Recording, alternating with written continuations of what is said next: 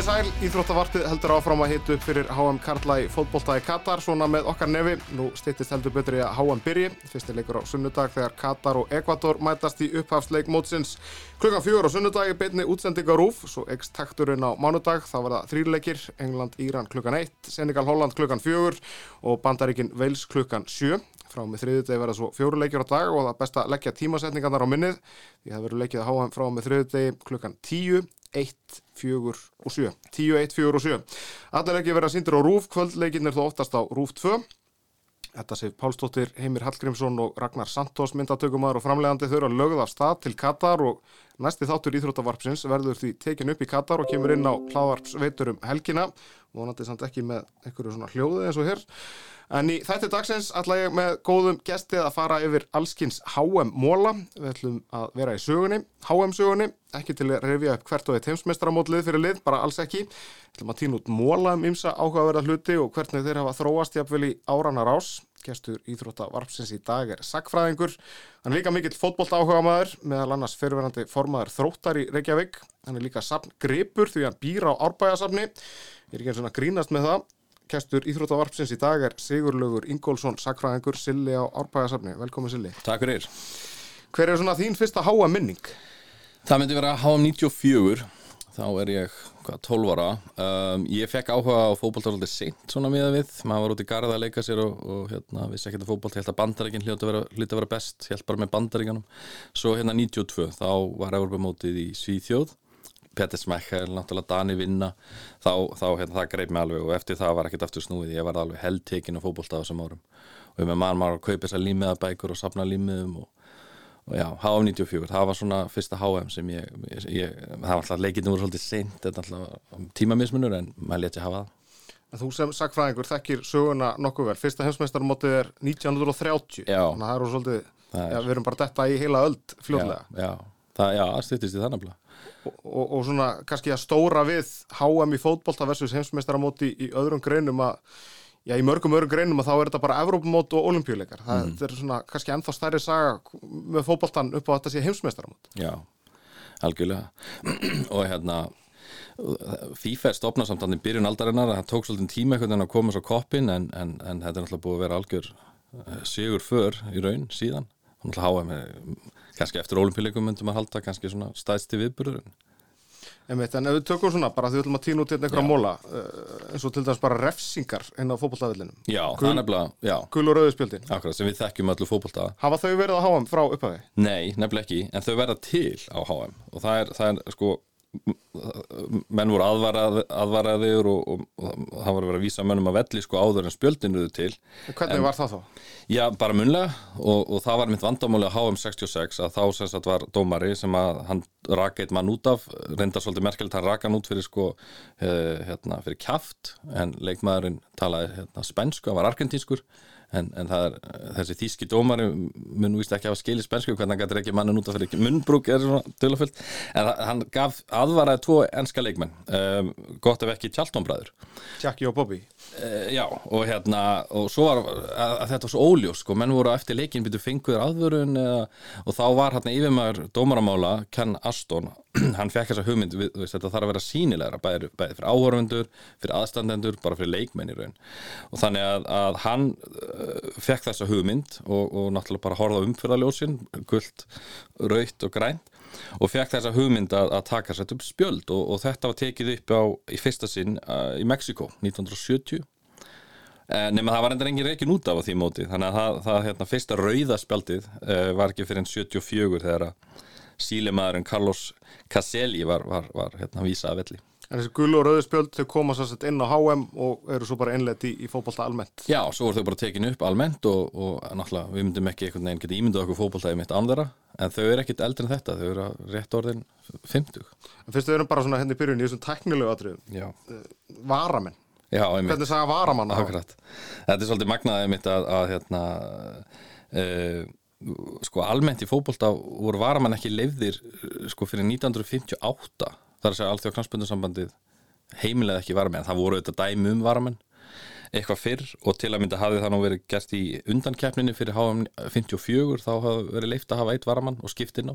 Til að byrja með sko þá mátti bara skipt inn á að menn voru mittir en þú veist hvernig óskupurum máttu veist, menn gæti alltaf bara plata, plata sig út af uh, til að fá skiptingar.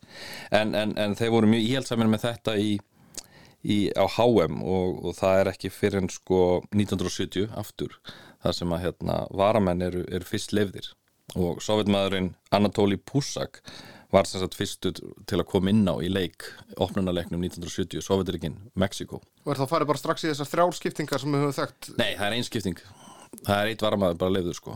Og svo uh, það er ekki fyrir 94 sko þá eru leiða tvær skiptingar 94? 94 Það er það stutt síðan. Það er það ótrúlega stutt síðan. Þrjárskiptingar strax 98 og það hefur ná verið reglan þar til núna nú verður verðar 5 er það ekki? Jú, 5 og náttúrulega svo bætist við ef þú ferði framleikingu í úsláttakeppni það er náttúrulega Það bætist, bætast við fleiri. Þannig að það gætu verið 6 þegar þú ert komin í, útsláttin ef, að- ef þú nýtir alla skiptingar og þú ert náttúrulega með á bekknum er það ekki 20 uh, mann, eh, hvað marga til taks?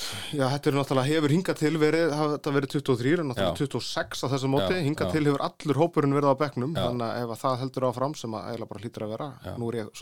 ég mig að, að ég er ekki farin að undirbúa mig fyrir fyrstu leiklýsingu en, en, en þá ættir nú að hafa úr, úr, ansi svona gó- góðu úrvali að verja, velja. Ég held að sé ekki fyrir sko 94 sko þá máttur held ég vera með þrjá varamenn. Einn varð að vera markmaður og hinn er tveir útilegmenn og þú máttu bara gera tvær skiptingar. Uh, og svo 98 þá faraði sennilega upp í 5 hlýtur að vera og þrjár skiptingar leiðar þannig að þetta er ótrúlega stutt síðan en maður hugsa líka bara þess margir leikmenn sem fóru bara þetta var bara svo að fara í frí þeir hafa ekki eins og niður komið þú veist átt sjens á að komast í hópin því að það voru svo fáa skiptingar náttúrulega leiðar. Eh, Ef við höldum okkur bara áfram í þessum takni aðdraðum ég sá að þú varst búin að kynna þér eitthvað með treyjunúmerin. Já, mér fannst það svolítið áhugavert líka því að um, að því að við þekkjum náttúrulega úr til dæmis ennska boltanum þar erstu bara með þína treyju, þú ert númer eitthvað og þetta á bækinu og það er tekið upp ótrúlega snemma finnst mér í uh, hérna HM, sem sagt 1954 í Sviss. Þá eru leikmennandi númeraðir einn og upp í 22 í fyrsta sinn. Fram að því hafðu sem sagt treyjunúmer höfðu verið tekinn upp 1950 merkilegt nokk það hefði ekki verið treyjunúmer á HM sagt, fyrir það í þessum tveimur keppnum sem fóru fyrir, fram fyrir hérna HM en já, minnst það útrúlega snemt og, og hérna, svo er svolítið skemmtilegt sko að á 58 þá glimtu brassarnir að senda númeralistan fyrirfram þannig að það var bara einhver embætsmaður frá FIFA sem að raðaði þeim niður og bara svona random. Þannig að markmaðurinn var númer þrjú til dæmis.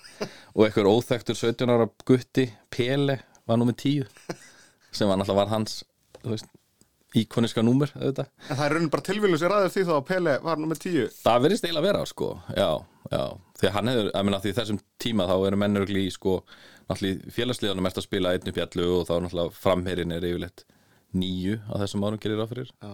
þannig að hann hefði kannski, ég veit ekki hvað tölu, eða hvað númer hann var hjá sínu félagsliði, Santos. hjá Santos, en hann náttúrulega verður tíu á HM og það er náttúrulega það, sem, það númer sem við tengjum svo stert við hann.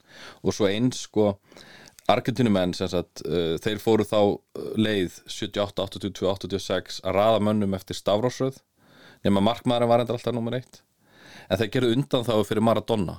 Hann var nummer 10 bæði 82 sem hann kom nú eiginlega ekkert eða mjög lítið við sögu en svona 86 er hann auðvitað aðalstjarnan. Þannig að það er svolítið fyndið hvernig þeir svona alltaf aðeins að reyna hérna, að þetta á að vera rosa svona já, sko, nema Maradona fær vera nummer 10 eitthvað, en svo ætluðu þeir að reyna að leggja númer 10 sko, Argentínumennir 2002 Þannig að Hall of Fame. Já, þannig að þeir, þeir útnefndu sko 1 upp í 23 það er að segja engin nummer 10 en FIFA bannaði það. Þannig að endanum þá var eitthvað leikmaður sem var nummer 10 þannig að þetta er svolítið merkilegt hvernig þetta þróast. Og eins og segi núna þá er þetta orðið 26 en ég held að sé búið að setja inn í reglurnar að, að markmenninni verða að vera sko, markmaður verður á nummer 1 Já, já. þú getur ekki verið bara hérna, Kristján Ronaldo nummer 1 eða eitthvað en, en varamarkmennin geta nú verið, hvað sem er hugsa ég. Já, svona algengustu númerinn er þetta 12, 13, Já. jafnvel 23 eða eitthvað svo leys það er Já, það er ekki vilt aftasti uh, leikmaður sem er síðastur inn er yfir þriði var markmaður eða ekki, eitthvað svo leiðis Já, en, en svo til dæmis er maður núna þú veist, bara ólíkt milli greina þú veist, við verið að sína Europamót hvernig er handbólta þessa dagan og það eru fullt af leikmennu bara nummer 97 og Já, er nummer 81 í einhverju liðinu Já. og, og það er fram til guttunum að Ég held að FIFA banni þannig að HM sko. Þú, það, það er bara upp í 1 og upp í 26 Já, ég held að það sé alveg horrið Já, já, já, annars þetta býður alltaf hættunni heima menn séu nummer 69 og eitthvað svona grín Já, já, en uh, verðluna gripinu sem er veittur á, á HM þessi, þessi eh, heimur, þessi já, hvernig það segja þetta heimslíkan Já. sem er svona haldið utanum þessi gullstitta, já. fræga stitta sem ég einhvern veginn tengi fyrst og fremst við kannski bara vegna míns aldurs við HM 94, 98 Mhm. hún hefur ekkert verið afhent bara frá byrjun, frá 1930 hún er, er velunargripur nummer 2 en því að sem, fyrsti, fyrsta stittan hún, hún hét, fyrsta stittan hét nú bara Sigur eða eitthvað, eitthvað slið, eða bara heimsmeistartitillin en hún er náttúrulega langt þekktur sem Jules Rimet byggarinn, en það nafn er reyndar kemur til sko eftir stríð. En hún er, hún er sagt 1930 og, og alveg til 1970 Hún á meira þess að, svo ég bara Já. hún á meira þess að forvera sinn að því að það er kefti í fótbolta á olimpíuleikum frá hvað, 1904 líklega já, getur, og þá er krýndur heimsmeistari Já. þó að það sé ekki Nei, já. heldur er það bara þú fegst titilin heimsmeistari eða þú vannst fótboltakeppnin á olimpíuleikunum hérna 1904, 8 og 12 allavega Mhm. og, og þá var einhver annar velunagripur sem að var með Sigurgiðjunni og einhverjum fótboltaköllum á eh, sá það nú bara einhverju HM bók, einhverju FIFA Ok. bókundaginn já. en þetta og það er þessi, náttúrulega af því að úrgæðmenn náttúrulega halda fyrsta móti af því að þeir eru olimpíumeistarar það er ástæðan fyrir því að þeir halda móti þeir eru 1970 álitni bestir af því að þeir eru olimpíumeistar gott ef ekki tvöfaldur olimpíumeistar held ég 24 og 28 líka. Þannig að, því að menn eru kannski að velta fyrir sér af hverju Úrugvæ, af hverju heimsveistarmóti haldið þar, jú, þeir voru bara bestir á þessum tíma sko. Þannig að, að, að, að þessi Sjúlsri Meis sagt var fósiti FIFA í eitthvað 30 ár frakki, að ástæða okkur breytarnir voru svo lengi, eða englendingarnir og, og þær þjóðir voru svo lengi fyrir utan FIFA þegar þetta var alltaf svo frakkadur eða svo mikið tangarhald á samtökunum. Þannig að hann, eh, hann er eiginlega uppás með þess að, að HM er haldið og, og þar að leiðandi stýttan kendi við hann svona í setni tíð. En hún svona hún fór í gegnum smá uh, já, hennar saga hefur svona verið svolítið brösótt. Uh, hún er sem sagt hérna, henni stólið tvívegis og hún, hef, hún er endur horfin í dag henni, eftir henni var stólið í setnaskipti hefur hún ekki komið í leitinar en, en henni er sem sagt stólið fyrsta HM 1966 á en, en hún er afhent fyrst er ekki 30, 38, 34 34, 38 já, og svo náttúrulega kemur setna heimstyrjöldin já einmitt og þar er henni hérna henni, hún, hún, hún, hún, sett í bankahólf í Róm og, og í miðju stríðinu sem sagt á fer fósitt, eða hann hefur verið sem sagt örgulega varfósitt í FIFA hann var Ítali, Ítali voru heimsmeistarar. Og hann sem sagt laumar styttunni heim til sín og felur hann í skókassa undir rúmunu sínu. Að ótta við það að nasistar ná henni þannig hérna geimist hún stríðsárin. Og er svo afhent strax aftur á næsta móti. Já, svo 1950 og svo er það svolítið skemmtilegt sko 1950 og hvernig var það nú aftur? 58 já, þá voru hérna þá uh, vinna Brasilíumennana og, og ljósmyndar, ljósmyndararnir er að byggja hérna, fyrirliðan um að svona, sína þeim styttuna. Þannig að hann svona liftir inn upp og það hefur svo orðið hefðu náttúrulega síðan að, að fyrirliðin jú liftir upp styttunni þegar hérna, menn fagna þegar menn fá hann aðfinda Þannig að það er komið sem sagt frá Það- HM að, að bara þegar þú vinnur verðlun að þú liftir byggarnum það Já. er komið frá HM það kemur þarna HM 1958 og bara svona tilvílun það er bara eitthvað ljósmyndari sem var svona bara getur þú liftin aðeins upp já, okkur svo bara hefð. Sjáast í andlitið það já, en, en þú varst komin að því þegar hún er stólið já henni sem sagt þetta er svolítið merkilegt uh, englendingar halda móti náttúrulega 66 og, og, og stittan er náttúrulega hérna, höfði sínis um, og uh, hún er hann í ykkur, ykkurum síningasal hann í Westminster í, í, í London og, og uh, það á að vera alveg 24 tíma vakt. Bara tveir menn eru bara ráðnir í það að horfa á styttuna nema það virðist nú vera að þeir hafa eitthvað verið að brasa og annað svona því að þeir skruppa aðeins frá hann á tímavili og þá tókst þess að eitthvað að brjótast inn í skápina sem var og losa hana, hún, hún hafði verið einhvern veginn fest hann inn í hennar skáp og hafði styttuna sem með þessari brott. Og, og þetta er náttúrulega frekar vandaraðalegt fyrir breyta einhver fjórum mánuðum fyrir mótið sko. þannig að, að það, það er einhver maður sem að eh, er að krefjast lausnagjalds fyrir hana og, og hann sendir sem sagt, hún hefur verið á eitthvað svona, eins og oft með svona stýttur það er svona eitthvað fyllt undir eitthvað slíkt. Hann alltaf hann sendir að því verið eitthvað bút af henni eða það sannlega til sönnunar að hann sé sannlega með stýttuna fótinn eða eitthvað, Já, eitthvað svona- sköldur Njá, örugglega eitthvað svona eitthvað fyllt undir henni, örugglega Já, eitthvað svona mjú- mjúkt allavega, hann er örugglega rifið það bara af og, og, og sendir það og krefst eitthvað 10.000 punda, ég man ekki hvað var svo sem. Nema að, að hann er handtikinn þessi, þessi kauði, Edvard Bledsley en, en stittan finnst ekki og hann vill ekki vísa á hana. En svo er ykkur maður á labbi í söður hluta Lundunaborgar í útkörfi með hundin sinn, Pickles og, og, og Pickles fyrir eitthvað að róta hann ykkur beði og, og finnur þar hérna, eða eigandinn grefur eitthvað eftir því það sem Pickles var leitað og þar er sem sagt stittan innpökkuð í dagblað. Og fundin bara einhverjum nokkrum dögum eftir, eftir uh, sem sagt að, hún kvarf var eitthvað skýring á því? Akkur hún var hann? Nei, hann, þessi Bledsley var dæmdur en hann vildi aldrei benda á hana og það var nú einhver podcast áttur um, um ári sko það sem að var í því einhver aðrir hefði nú búið ábyrð á þessu og svona þannig að þetta virðist nú allt verið hitt dölafylsta mál og, og þessi Bledsley sem var nú svona smáklapamæður, hann er lönguláttinn þannig að þetta er allt svolítið dölafyllt sko um, En Pickles, fekk Pickles eitthvað eitthva orðið? Pickles fekk velun og eigandinn fekk, fekk hérna velunafíi og ég, mörg þúsund pund sko, 16.000 pund og Pickles fekk, ef ég maður rétt uh, rísastóna hérna, svona, svona bein, nautabein eitthvað, eitthvað nagað það sennilega uh, í eitthvað tíma. Þannig að hann var frægasti hundur hérna 1966 Sennilega. Og sjálfsögur með stittan er svo aðfend englendingum hann að 66 á Wembley. Já, þeir vinna hann að þá. Svo... Aftur Brasilíumunum 70. Og þá vinna þeir hann að til eignar. Ok, og þá kemur þessi nýju byggar sem sagt. Já, en sjálfsögur með er kannski ekki alveg loki sko, því að sagt, hún er náttúrulega bara sett upp í skápi í, í höfustöðum brasilíska knarspundusambandsins í, í Rio de Janeiro. Nefna þann er henni stólið 1983 og, og það hefur ekkert spurst til hennar síðan og sennilega var hann breytt niður sko. Englendingarnir eftir sagt, ránið 66 hafðu gert kópíu, það var bannað. Þú máttir ekki gera kópíu, þeir stelast til að gera kópíu. Af því að þeir ákveða að hvað sem stýttan verður til sínis þá verður það kópían. Já. og það vissi engin að því, þetta var bara lindamál svo þegar kópjan dúkað upp sko lungu lungu setna þá heldur menn kannski að hér væri stýttan komin. Hún fannst undir ykkur rúmi held ég hjá manninu sem hafi hérna, gert kópjuna en svo kom ég ljósa að hún var alltaf bara kópja eh, en, en, en já, henni var sérst stólið og, og, og, og hefur algjörlega horfin og engin veit hvað hann er en, en kópjan er ennþá til allavega En þetta er, já, svona stór merkileg saga þessa veluna grips og, og þetta er svona kannski allt annar taktur með, með gripin sem við þekkjum í dag sem að, sem að kannski aðeins betur varinn og hugsa betur um þó að, að sá gripur stöðut bara með Coca-Cola í ykkur, ykkur herrferðum heiminn til síni sko. En það er nefnilega þannig eftir einmitt eh, sagt, þegar að, að í dag sagt, þá, þá er stittan jú afhend vissulega sigurverðanum en svo fer hún bara á fókbaltasafni í Súrik og hún þarf að segja segjum sem svo að englendinga vinni núna í Katar þá verður stittan ekkert þar sko.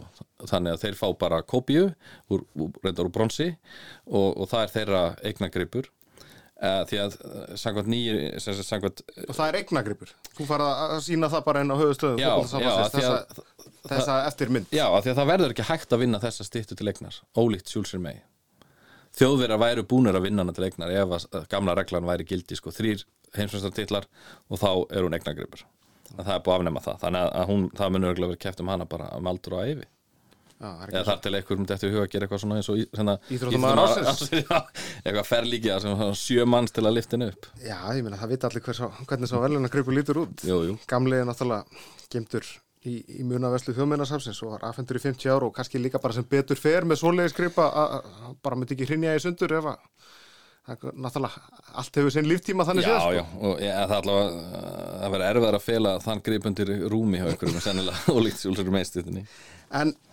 fyrirkomulegið að hafa við erum núna í, í því eins og hefur verið undanfærin mót 32 lið, kefti mm -hmm. í, í 8-4 liða riðlum og svo bara farið í 16 liða úslit og bara útsláta kefni það mun breytast eftir fjögur ár. Nú, ok. 2026 Ok.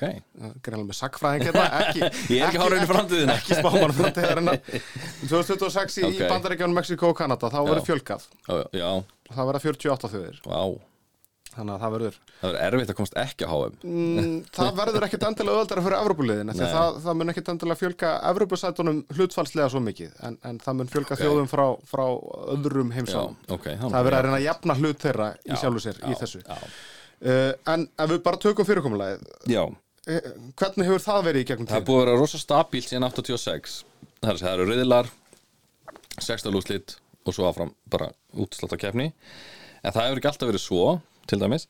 Uh, fyrstu, fyrstu keppninar 30, 34, 38 það er allt útsláttakefnir Og það er ekki einu svona, hérna, er ekki 8 tala á fyrsta mótinu, er ekki bara 13 liðið eitthvað? Jú, það var náttúrulega fá lið. Sennilega hafa, hefur, ég mann nú ekki hvort að örgulega heimamenn eða fengi að sitja hjá eða eitthvað slíti, þáttöku þjóðna voru fáara þegar tímdengin að fara til Úrugvæ, en líka hugsa er að fara allavega til Úrugvæ og tapa fyrsta leiknum það er bara heim aftur. Þannig að þetta er ekki drosalega praktíst og það er einmitt sko 50 þá voru Brasilíumenn búin að eða svo miklu peningum í að byggja Maracana, leikvangin sem tók sko alla íslensku þjóðina 200.000 manns eða eitthvað.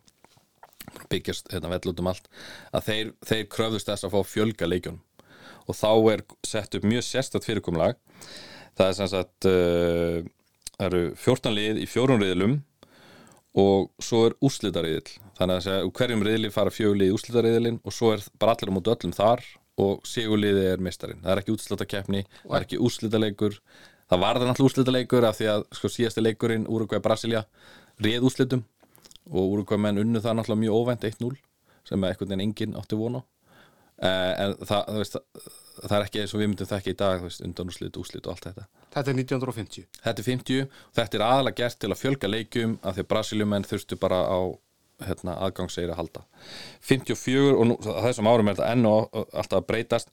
Það eru 16 lið í fjórum riðlum og það er mjög sérstætt að, að liðin kepp ekki innbyrðist það er að segja uh, það eru, það liðir riðli. Tvö liðin eru svona handvalin út frá styrkleika. Hinn liðin eru uh, þeim er aðeins riðlana uh, random eða bara drein. Og svo spila sko annar liði úr efri styrkleika hlutanum spilar á móti hinnu liðin úr, veikari styrkleikanum og, og svo öfugt og svo vikslag þar að segja sterk, stóru styrkleika liðin spila ekki saman. Já, ok. þannig að það eru fjóri leikir. Uh, það þurfti reyndar úrslitaleiki stundum til að sko að því að það var ekki ef við liði voru jöfna stegum þá var ekkit sem að það var ekki að horta markatölu eða eitthvað Það var bara fyrir aukaleg. það var aukaleikur, já. Þannig að það voru aðeins fleiri leikir fyrir vikið. Svo er þess að uh, annar uh, já og svo fór, var sett útsláttar hérna fyrirkomlega áttalið úrslit eftir það. Svo ef við förum í sko 58 þá er þetta komin upp í 16 lið fjóri reyðilega, núna allir á mútu öllum. Og þar var markamunurinn látin ráða ef að liðum voru jöfn. Og svo fara sem sagt tvö lið upp á hverjum reyðli og útsláttar keppni eins og við þekkjum það. En þetta er alltaf stöðt að breytast. Og til að mynda sko ef við förum uh, í hérna uh, bara eins og HM 82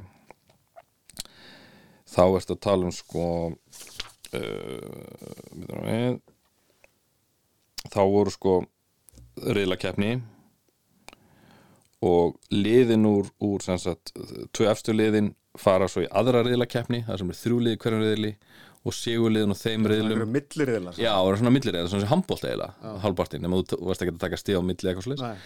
þannig að það voru fjórir setni reyðlar og toppliðin og þeim reyðlum spiluðu til undan og sletta og svo slita Þetta er 82. Þetta er 82 og svo 86 fáum við þetta fyrirkomlega sem við þekkjum í dag þar sem að sem sagt, tvö lið fara á, áfram og svo náttúrulega stiga hæstu liðin í þriðasæti áfram Já, þar til að það er tekið þetta fjölgaði liðunum 32 auðvitað. lega fyrirkomulag sem er, er 94. 98, 98. fjölgar liðunum e, upp 32. í 32 og hafa verið það síðan, já, já. þannig að, já Hvernig fórum við Íslandingar að geta horta á þetta eða bara hvernig var sjónvas umfjöllunin ef ef við tökum það bara við þekkjum það hér á Íslandi að það kemur ekki sjónvas fyrir 66 sjónvarsbyggði er komin alltaf fyrir út í heimi Já, hvernig er bara hvernig er fyrst sínt bara út í heimi frá, frá HM það, það var svo sem hægt að fylgjast með HM en, en það var náttúrulega lungu lungu eftir. Það voru bara svona gerða svona eins og myndir um, um HM en, en 1954 er svona fyrsta sinn sínt beint frá leikjum en það bara innan Evrópu af því að það náttúrulega var engi, voru ekki gerfinettir en, en EBU eh, Evróska já, EBU, Eurovision. Gatt sínt leikin alltaf innan Evrópu og það sama sem sagt er upp á teiningin 58 í Svíþjóð. Þá var eitt leikur valinn og hverju umferð. Af því allir leikirnir á þeim tíma voru spilaði samtímis nema svíjar spilaði alltaf á öðrum tíma. Að þeir voru heima með hefur heimamenn, hann að sænskar áhrandur gáttu hort á heimamenn og valið svo okkur annan leik eða vildu. Annars er öllum leikjunum hérna raðað upp á sama tíma og, og sagt eh, ein, einu leik er sjónvarpað. 62 er náttúrulega ekkert sjónvarpað því að það er engin, engin gerfinhöttur og, og það er náttúrulega Chile langt í burtu. Og sjá hvað þetta er evrósku miðað. Þú veist, ef þú byrðir Chile þá ert ekki að horfa á leikina í beinni útsendingu náttúrulega heldur. Útvarpið kongurinn á þessum tíma og þetta bara dagblöðin svo. Jú, jú, eins og segi, svo voru þetta oft sett þetta voru, maður mann eftir alveg sem Polli að, fóra á vídeolegur og það, þetta var alltaf tekið í svona bíómyndir eh, þú veist, 90 mínúta löng bara mynd um HM því mann að maður horfði á HM 90-86 bara á spólum, þú veist, eftir á þannig að það var þetta einlega og það, þetta, svo sem átti sér svona ákveðna sögu. 66 er þetta aftur sínt náttúrulega innan Evrópu en það er ekki fyrir 1970 sem hvað 1970 hefur verið merkileg kefni að þá er gerfin hægt að hérna, tæknin komið til sögunar og þá er hægt að, að, að senda leiki beint út um allan heim. Og í lit, já, það var svolítið merkilegt að, hérna, að, að þeir sem átti litasjónvarp, altså en það, menn segja fyrst að sko í HM 58 þá hafi sjónvars eign svíja ekkert verið mjög almenn en hún hafi orðið almenn í kjölfarið þegar menn fóru að kefti þessi sjónvarp til að geta hort á HM Ég, ég grúskaði þessi í hvernig þetta hefur verið á Íslandi sko, og, og ég sá húst, sjónvarpið náttúrulega stofna 1966 30. september, það er náttúrulega mótið í Englandi búið. Já. þannig að í besta falli hefur þá verið sínt bara eitthvað smá úr úslítaleiknum í loka ás og ég er ekki einu sinni viss um það, ég fór nú ekki svo langt að að leita því, ég minnst það hæpið Já. það er engin, engin sér íþróttafrétta maður fyrir sjónvarpað þessum tíma, Siggi Sigur bara í útvarpinu og Bjarni. Fél er ekki komin hérna 66 en 1970 þar sá ég í mókanum 21. júni, daginn sem úrslitalegur háum í Mexiko var að þar var auglist í sjónvarsdagskrona 6 dögum síðar, lögadaginn 27. júni yrði klukkan 1 um daginn sínt frá HM og það var samt sett í svega með fyrirvara Já, ef, hann hefði skilað sér Já, og það er og það teipi Já, það að kemur ekkert fram hvort það hefur úrslitalegur sem átt að sína samkvæmt sjónvarsdagskrona sko. Nei. en ég get líka sagt þér að um sama kvöld að þá var Sera Brán á sínum staði í Já. sjónvarsdagskrona 1970, þannig að hann hefur greinlega fyllt rúf mjög lengi. Að var Barnaby ekki byrjar þarna? Nei, en Sera Brán var hann Ok. 1970, daginn sem Já. að var sínt frá. Ég, ég get sagt smá sögu þessu tengdu. Ég, ég er nú aðeins eldri en þú. Uh, Ég fættur 82 Það er náttúrulega HM 82 Ekki það ég muni mikið eftir henni. En í þá daga var náttúrulega sjónvarpi fór í sumafrí í heila mánuð. Það var bara lokað í júli, ekkert sjónvarp Allir íslendingar fóru bara í sumarleg og er náttúrulega mín vísitölu familja líka. Og uh, móður mín var að reyfi þetta upp sko að, að hérna, það var bara að fara út á land í, í hérna, tjaldvagni gerir ráð fyrir. Svo allt í nú er ákveðið að sína ég held úrslutaleikin og undanúrslutaleikina beint, er það ekki rétt um mér? Þetta er fyrsta sinn sem að stutt áður höfðu sínt uh, enska deildabyggarinn eða eitthvað byggarkeppnin eða eitthvað slíkt í bytn útsendingu. Já, er nefnilega fara úr því að vera hann í fríi í júli Já. 70, 70, 74, 78 átt- og svo 82 að þá bara sína þau, sko, ég held að fyrsti leikur sem er síndur 82 er markalust í aftefli Ítalíu og Póllands, tveggja daga gamall leikur. Já, svo allt í hennu fáðu beina útsendingu frá leik Belgíu og Póllands sem er á þessu móti 82 ok. Og þá er nú heldur betur búið að koma fólki svona upp á upp á tætnar og, og, og, og, og það bara allir eru rosa sáttir að fá leiki í bytni útsendingu frá HM í fótbolta. Já, þú sér það bara, það var opnað á rúf í júli og fóreldrar mínir, pabbi minn var engin áhuga maður á fótbolta. En þetta þótti svo merkilegt að familjan brunaði heim til að horfa hann á fótboltaleik og ég er ekki vissum að mamma, mamma viti hvað fótboltaleikur er sko. En þetta þótti bara slíku viðburður að, að, að fríinu var bara slaufað. En það þurfti mikið átak til, sko, að það sem ég skoða þarna bara í gegnum tímaritt.is, sko, að, að þarna eftir hann leik Belgíu og Póllands, allir voða sattir, svo bara allar, sumar, allar sjónvarpi bara í sitt sumafrí Já. og, og, og, og bara er ekki lás. Þá kemur einhver, eh, eitthvað fyrirtæki sem að ætlar að, að reyna að græja þetta, þó að sé í rauninni ekki fjölmjöla frelsi, eða jú, fjölmjöla frelsi en ekki, ekki sjónvarsfrelsi á Íslanda þessum tíma. Nei, ég held ekki eins útarsvelsi, það er bara tvær útarsrásir og Já, ekki eins og rás 2, rás 2 er 84 Já, en það er sagt, fyrirtæki já, sem að ætlar að, að, að sína þessa leiki. Ok, í rauninni ólöglega. Í frétt tímans er viðtal við Jóhannes Reykdal, forsvarsmann Vídeóson, sem að finnst mjög leitt og afar hart að, að sjónvarpi fekk lögbann á Vídeóson að sína þessa leiki meðan sjónvarpi væri frí. Og það verður náttúrulega bara allt vittlust. Já, En þeir geta náttúrulega ekki gert og það mér þess að vitna henni lögma Ríkisútvarsins Berg Guðnason sem ég gerir ráð fyrir að sé pappi Guðna því. Það sem hann segir bara að sjónvarpið hefði keift síningaréttin frá, frá HM82, borgað fyrir það 450.000 krónur og, sé bara í fullu rétti með að banna síningar á því þó að þeir allir, þó að sjónvarpið, þeir, já, ég var ekki hérna að hluta sjónvarpuna þeim tíma, ætli sér ekki að nýta réttin fyrir bara eftir á, ætli bara sína já. úrslitakeppnina bara í ágúst. bara í ágúst. Já, en, en samt, hvernig ætlar að, veist, er ekki dreifikerfi, þeir, hvernig ætlar að ætla að sína þetta, ég skil það ekki alveg. Nei, nei, en, en Það er þetta sagt uh, verður samt til þess, það verður Já. allt brjála og Já. það eru bara bladagreinar þar sem menn eru algjörlega brjálaðir, sérstaklega náttúrulega kallar og það er viðtal bara við, við, við bara random menn bara í breiðholti, það er bara verið að ringja í, eitthvað fólk bara, það sem að þeir eru þeim mjög ásáttir við, við þessa þjónustu að, að það er verið að sína þennan frábæra fótbolta og svo er bara allir, allir í frí 1. júli. Já, En þetta verður til þess að þessi leikir eins og þú segir voru síndir undan úslit og úslit 82 Mhm. og allir brunið í bæinn frá 83 og þá hættu þessi sumafrí Já, það, í það, júli. það Þannig kemur að þetta sennilega. HM 82 Já. hefur greinilega svona já, nýtt enda hnútin í, í þessu sumarlefi allra starfsmanna sjónvarsins. Þetta er ótrúlega skrítin tilhugsun að bara, það er þetta að slökkva bara Íslandi eitt mánuð, allir fari frí og enga fréttir ekki neitt þetta væri erfitt að hugsa sér þetta í dag Já, já. en þarna voru ennþá sjónvarsleysir 50 dagar þeir hættu náttúrulega 87 það er eins gott að hérna, úslitaleikinni var ekki spilaði þá Nei.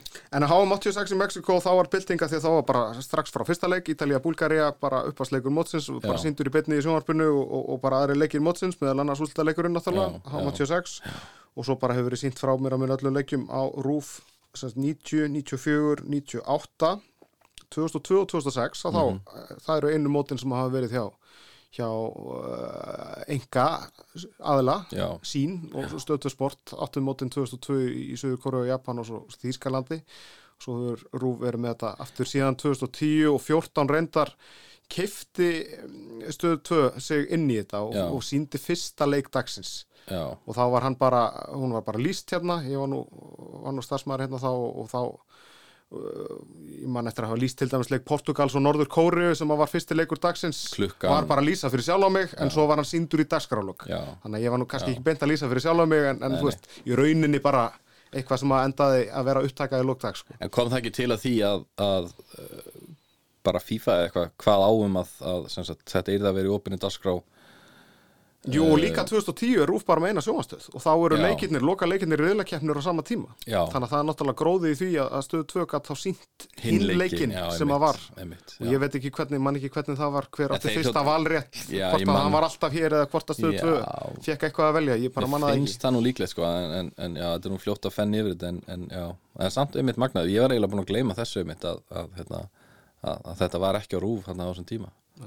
2002 og 2006 20 ár síðan, já og svo er þetta náttúrulega er, þetta náttúrulega að fara að aukast eins og við þekkjum. EM til dæmis hefur náttúrulega verið já, síðustu tvö skipti verið 2016 símanum og, og, og núna í fyrra á stöð 2 einmitt, einmitt, já, já, verður reyndar hér næst en Ok, hvað er það? Við erum, við erum að tala um HM og, og, þú varst með varst eitthvað með lukkudýr.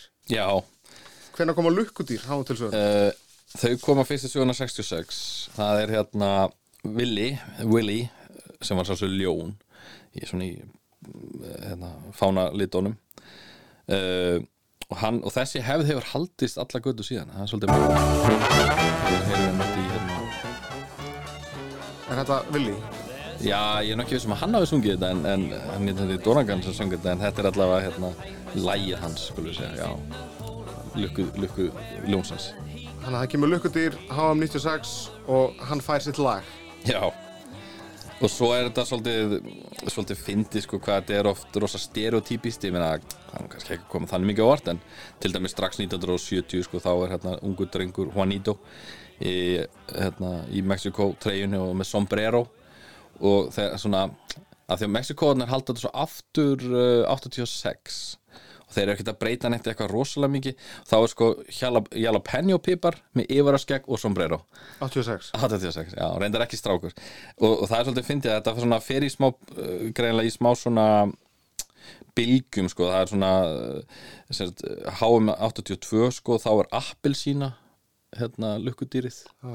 og, og þarna ári eftir er svona jalapeno svo er Tjá HM 90, hann er svona eins og handbolta marka, þú veist, hann er svona úr stöngum eða einhverjum priggum, rosalega óspennandi típa.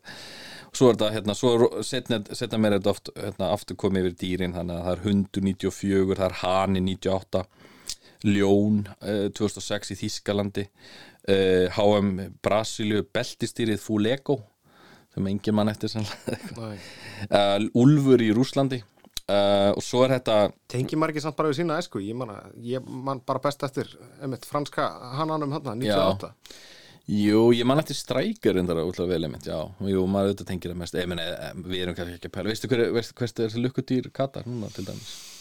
Nei, ég get ekki sett það.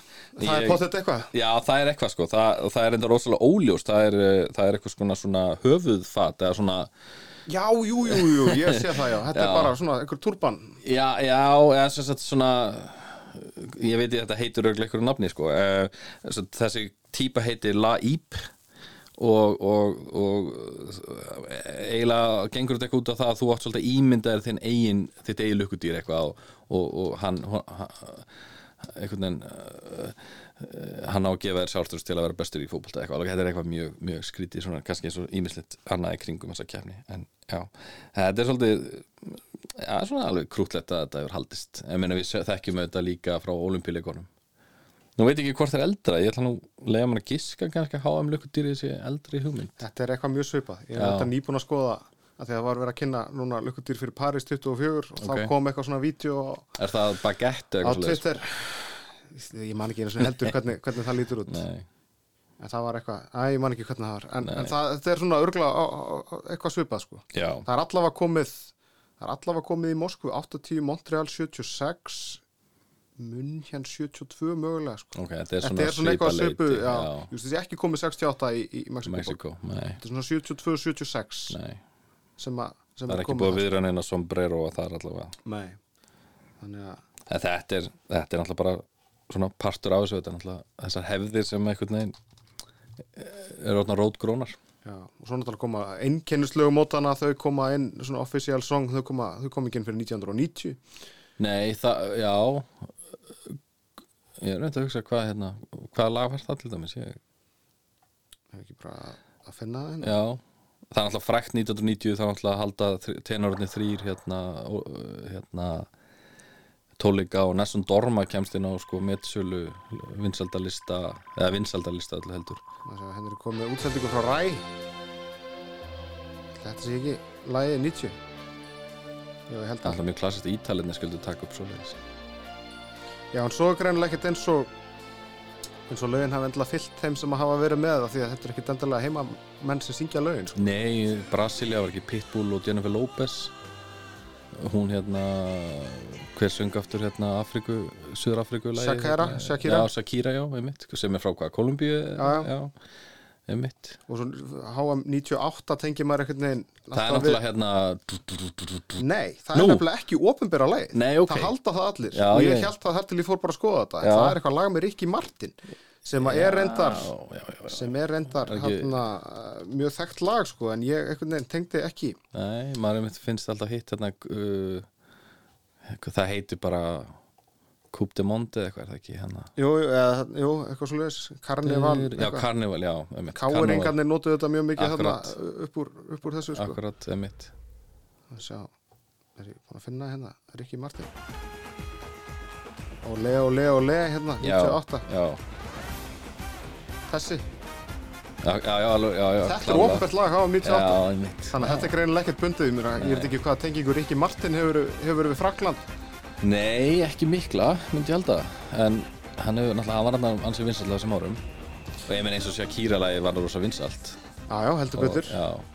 merkilegt sann sko, einmitt þessi lög hafa alveg náð vinsaldum af því að maður gæti alveg ímynda sér að þetta er því svolítið svona ég meina það var sami lag hérna fyrir HM 95 í handbólt var það ekki Tittu og Björgun Halldórs? mann ykkur eftir því. Nema við. Nei, nei kannski, kannski ekki. En þetta var nú spontant, við ætlum ekki að ræða þessi, þessi lög en, en, en við vorum líka búin að taka hérna eða þú uh, pólitísk mótmæli. Já, sem Já. að gæti orðið núna. Ég var samt síður Já. vonaði því að FIFA nú svona svolítið búið að múlbinda leikmenn hann að maður á svona ég las það samt bara í morgun að, að halda þetta til streitu að, að fyrirlega bandið verði í regnbólitunum og þeir ætla bara að borga sektina. Já, bara virðingavert Já, algjörlega.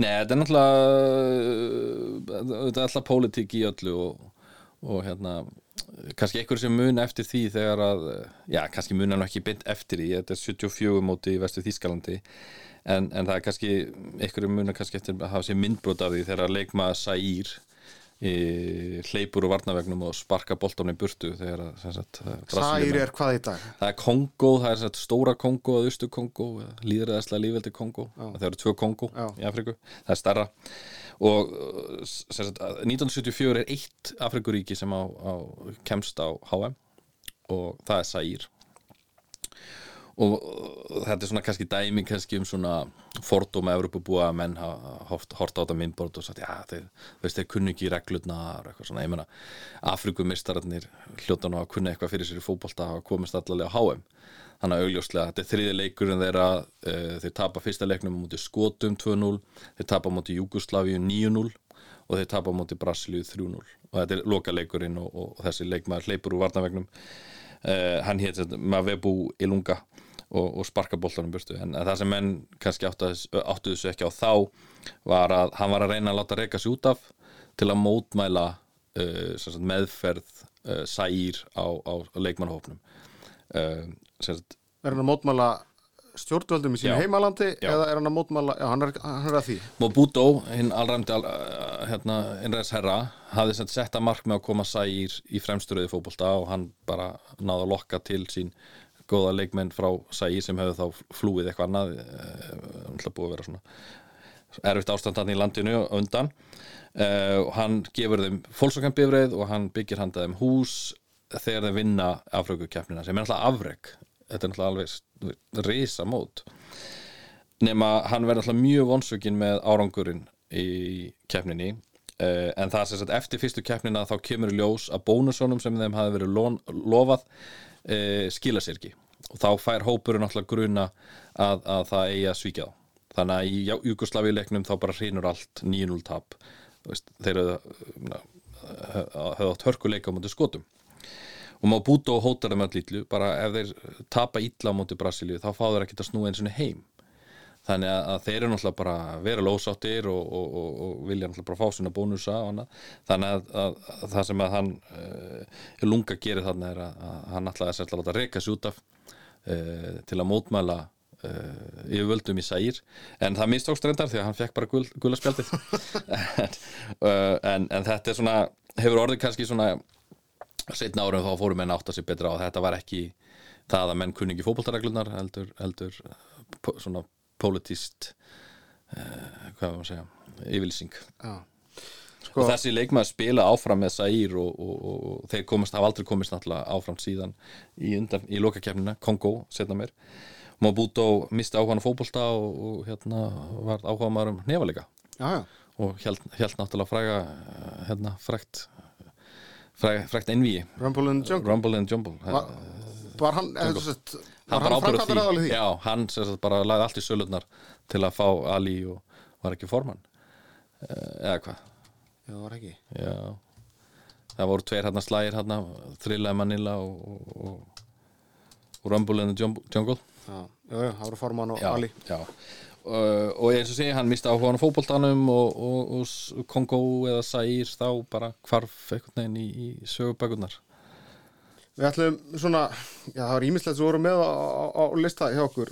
Meðal annars varstu nú bara hérna, varstu með að lista Diana Ross eh, á, 94, H 94 Erfitt í podcasti en, en það er hægt að fara á YouTube og, og sjá þetta. Býtu, hvað, hvert var hennar? Þetta er sem sagt opnunaháttin í Ameríku uh, bandaríkjunum 94 og, og all lagt í sölunar og Diana Ross fenginn til að hérna, syngja og mæli bara hérna, með að finna þetta á YouTube. Þar, hún er að hlaupa hérna um völlin syngjandi og, og hún á að sparki bolta á mark, þetta er svona risastór blásin bol- bolti og, og marki sem sagt springur þegar boltin á að fara inn í markið nema hún hittir ekki markið. En það springur samt einhvern veginn. Þetta er náttúrulega hallarilegt en bara svona svolítið komist aðtök Herra, við skulum enda þetta á fljótustu mörkum í sögu háum þá förum við beinhara staðrendur og förum byrjum á fimmtasætinu Já, fimmta fljótasta mark háum sögunar það sem er næst okkur í tíma HM ní- eh, 2014 í Brasilíu. Það er sem sagt Amerikumadurinn Clint Dempsey á móti Ghana og það var 29 sekundur telst gott en það dugar ekki til að koma þér herra en í fimmtasæti 29 sekundur sko, Já. fjórðasendi Brian Robson uh, fyrirlið englendinga gegn frökkum. Þetta var í riðlakefninni 27 sekundur HM 82 Hátt 82, já, fyrir ekki, já, 27 sekundur já. Hvað eru við þá að tala um með þriðja fljótasta mark HM sögunar? Það er Ernst uh, Lín- Línar, Lennar uh, sem hann, hérna, hann var þýskur, hann skora gegn Austuríki, það er HM 34 það er nú sennilega ekki til á myndbandi. Uh, það er 25 sekundur Ok, svo er svolítið hopp í annarsetti nefnilega. Nú, þar er Vaclav Masek Tjekkoslovakíu, hann er 16 sekundur að skora gegn Mexiko HM 1962, 16 sekundur en það dugur ekki til að ná fyrsta setinu heyrum hérna, Já, fyrsta, já. ég er með fyrsta seti hérna Já, So Daegu is ready for an emotional farewell to the Korean team who play in this third place playoff. Hong Myung-bo's in trouble here. It's Hakan Shuka! It's one of the early World Cup goals of all time. one of the early segir hann. 11th Já, þetta er bara þetta hraðasta er bara, bara já, já, engin leikmaður hefur, hefur tekið sér hefur tekist á skemmri tíma að skora 11 sekundur Þetta er sem sagt Hakan Súkur já, leikmaður Tyrka í bronsleiknum á HM 2002 já, þetta er, já, Tyrkir alltaf, sló í gegn hann að hafa 2002 mitt og, og töpu undanúrslutunum en, en hérna uh, Hakan Súkur varð uh, fyrir sögubækunar fyrir að hafa skorað hérna snegsta marki sögu HM Þannig ef ykkur ætlar að toppa hann núna HM í Katar þá þarf að fara undir 11 sekundar Já, það verður erfitt en já, ætla að sé hægt. Já, já, þetta skoður á 6 bara, ekka já, já, já, já, bara löngmiðja og inn á teg og... já, já. Með þetta að vera snöggir en jú, það er kannski eitt. Bara svona rétt í lokin, ertu eitthvað búin að kynna liðin? Er eitthvað svona sem þú spenntastur fyrir á, á þessu móti núna í Ég er náttúrulega voða gamaldags náttúrulega halda bara með Englandi. Hefur ykkur að trúa á þeim samt? Já, ég meina mm, Já, ég veit hann ekki alveg en ég, þeir áttu náttúrulega fína spretti á EM síðast og ég vona að það hjálpaði með eitthvað en nei, þeir eru kannski aðeins að missa lestinu núna en maður veit aldrei. Hver eru líklega eftir? Ég veit ekki, ég sá ykkur stara að hérna, ykkur veðbankar voru að veða Brasilíu er það ekki alltaf svolítið klassíst ég... maður fylgist kannski ekki nógu vel með svona utan Evrópu landsliðina hvernig staðan er? Ég, ég verði eiginlega varpu sig á sérfrængin en. HM skiptir bara svona í sögulegu samhengi þessar Suður Ameríku þjóðir jafnvel meira máli heldur en bara aðrar þjóðir svona einhvern veginn út frá kultúr Já, já, ég get alveg trúið því. Þetta er svo uh, já, þetta er kannski meiri trúabröð heldur en hobby hérna, uh, þar niður frá já, og náttúrulega alltaf uh, einhvern veginn eru Suður Ameríku þjóðnar þau blómstra í HM einhvern veginn en lengi vel og alltaf áhugavert að, að Suður Ameríku þjóðnar gátu ekki unni í Evrópu nema jú Brasilin unni 58 en þeir unni yfirleitt mótin utan Evrópu þannig að þannig að það getur verið Brasilia gæti, eða Argentina gæti hjálpað sko. sem að vinna núna ef í maður horfir á söguna þá gæti það alveg einmitt verið. En, en svo kannski fáum við kannski eh, ykkur aðra heimsálfu? Já, þú heldur það? Nei, ég veit ekki.